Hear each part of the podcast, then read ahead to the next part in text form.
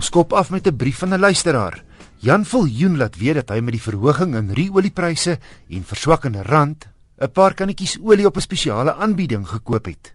Hy skryf: "Ek diens my motor elke 15000 km of elke jaar, wat ook al eers te verstryk. Kan die olie in die 5 liter plastiese kanne oud word?" Daar's genoeg olie vir 3 jaar en ek berg dit in 'n toesluit motorhuis met 'n sinkdak.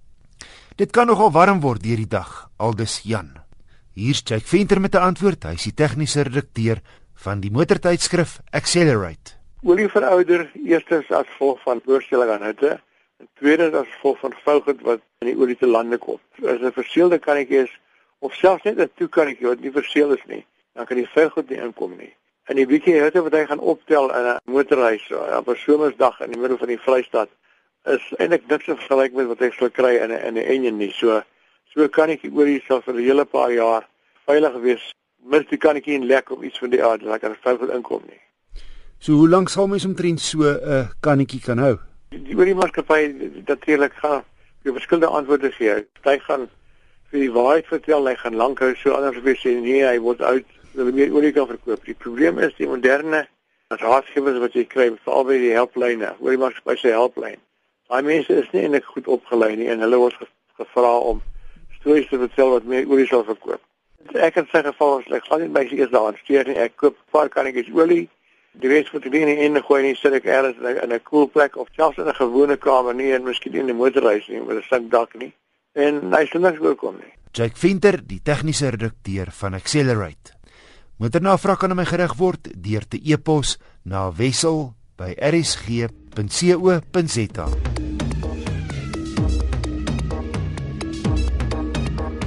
Nissan se nuwe Almera Accenta is 'n onopwindende en oninteressante sedan. Maar, soos iemand dit stel, jy's waarskynlik met vakansie wanneer jy in een ry, want die motorhuurmaatskappye is gek na die Almera. Die rede baie spasie teen die prys. Hoewel jy wat goedkoper is hy teen 4.5 meter byna so lank soos 'n Corolla en 'n Jetta. Die beenspasie vir die agterste insittendes is nog beter as die in die Corolla klas. Trouwens, hier's meer spasie as in heelwat groter sedans en jy kan maklik lang mense agter mekaar inpas. Gerieflik wanneer jy vir 'n halfuur lank leeu's kyk in die wildtuin. Die bagasiebak is ook groot, maar 'n negatiewe is dat die agterste rugleunings nie kan vorentoe vou vir meer spasie nie.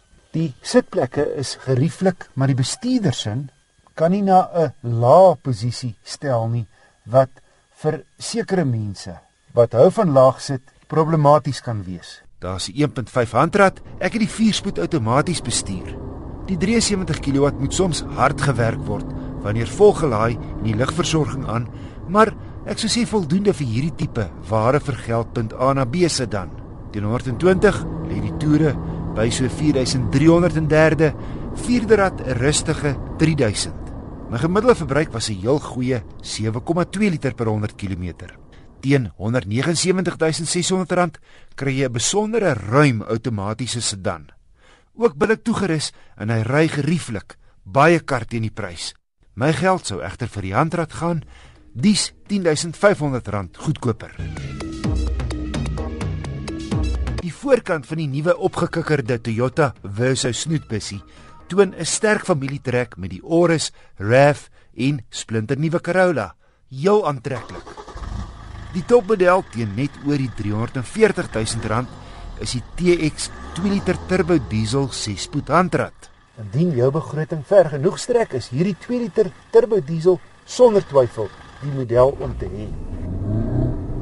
Hier op die hoofveld is die 1.6 petrol maar pap en die 1.8 petrol so so Maar hierdie masjien se 310 Newtonmeter sorg vir 'n konstante stroom trekkrag. Die 6-spoed radkierie se gooie is lekker kort en glad. En 'n ander positiewe is die draaisirkel, dis klein. Ek's nie mal oor die instrumente in die middel van die paneelbord nie, maar ten minste is dit na die bestuurder gedraai. Jy het 'n trikamera, maar geen parkeersensors agter nie die stogbeheer, kontroles op die stuur, leer op die lekker dikraam stuur en radkierie, maar slegs aan die kante van die sitplekke. Ek het eenvoudig die ligte op die auto modus gelos. Dis iets wat al hoe meer karre deesdae bied. In die dag skyn die Verso se 2 LED dagryligte voor en sodra nodig skakel die hoofligte voor en die nagligte agter outomaties aan. So oor die ligte en sigbaarheid hoef jy nie bekommerd te wees nie. Synde 'n snoetbusie of dan 'n MPV wat staan vir multipurpose vehicle is spasie hierdie Toyota se sterkpunt. Die sewe sitplekke kan op nie minder nie as 32 maniere platgeslaan word. En die afslaan verg min moeite. Die agterste twee rye platgeslaan gee vir jou 'n groot volledige plat oppervlak. En boonop kan die middelste ry se drie stoele vorentoe en agtertoe beweeg. Hy's nogal stil vir 'n diesel en gebruik gemiddeld 6.5 liter per 100 km. Hy het volop veiligheidskenmerke en die ritgehalte het my opgeval, gerieflik, ook op grondpad. Ja, dit is so die RAV Sportnets is die gewilde keuse. Maar as jy soos ek drie kinders het, is die Verso 'n lieflike alternatief met al sy spasie en sewe wegvoubare sitplekke. Boonop is die Verso turbo diesel goedkoper as sy RAV ewe knie. Dis my wenk van die week. Met die geweldige baie reën in groot dele van die noordooste van die land is die paaie in 'n slegter toestand met meer en groter slaggate.